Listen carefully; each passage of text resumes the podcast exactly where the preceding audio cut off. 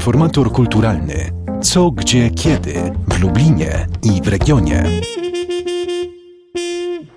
Witam Państwa, dzień dobry. Do odkrywania wyjątkowych pamiątek związanych z Bolesławem Prusem i Stefanem Żeromskim zachęca Muzeum Literackie w Nałęczowie. Proponuje wirtualne spacery po miejscach związanych z tymi pisarzami. Na profilach Muzeum Bolesława Prusa oraz Muzeum Stefana Żeromskiego będą pojawiały się kolejne odsłony wirtualnych spacerów, podczas których pokażemy cenne pamiątki związane z naszymi patronami. I tak Muzeum Stefana Żeromskiego zaprasza do wnętrza nałęczowskiej pracowni pisarza. W chacie zachowały się cenne przedmioty, meble, które służyły artyście, rysunki wykonane ręką jego żony, prace syna Adama. Nie zabraknie ciekawostek, anegdot. Zatem zostańcie w domu i zwiedzajcie razem z nami Nałęczowskie Muzea. Mówiła kierownik Muzeum Literackiego w Nałęczowie Monika Gabryś-Sławińska.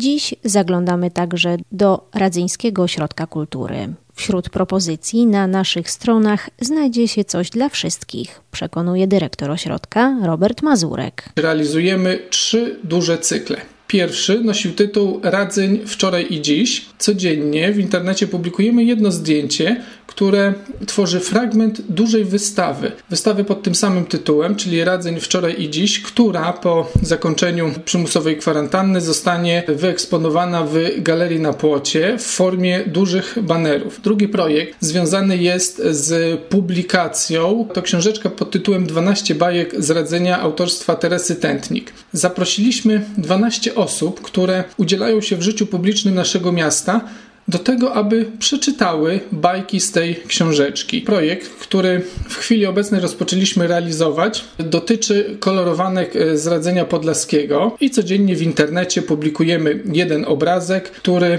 każdy może sobie pobrać, wydrukować. My ogłosiliśmy konkurs. Wszystkie dzieci, które pokolorują nasze kolorowanki, mogą je przesłać do nas. Przeprowadzimy duże losowanie, e, w ramach którego chcemy nagrodzić 100 osób naszą publikacją aplikacją.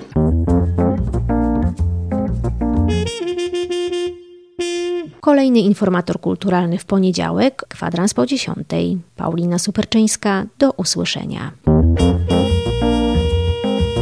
Informator kulturalny. Co, gdzie, kiedy w Lublinie i w regionie.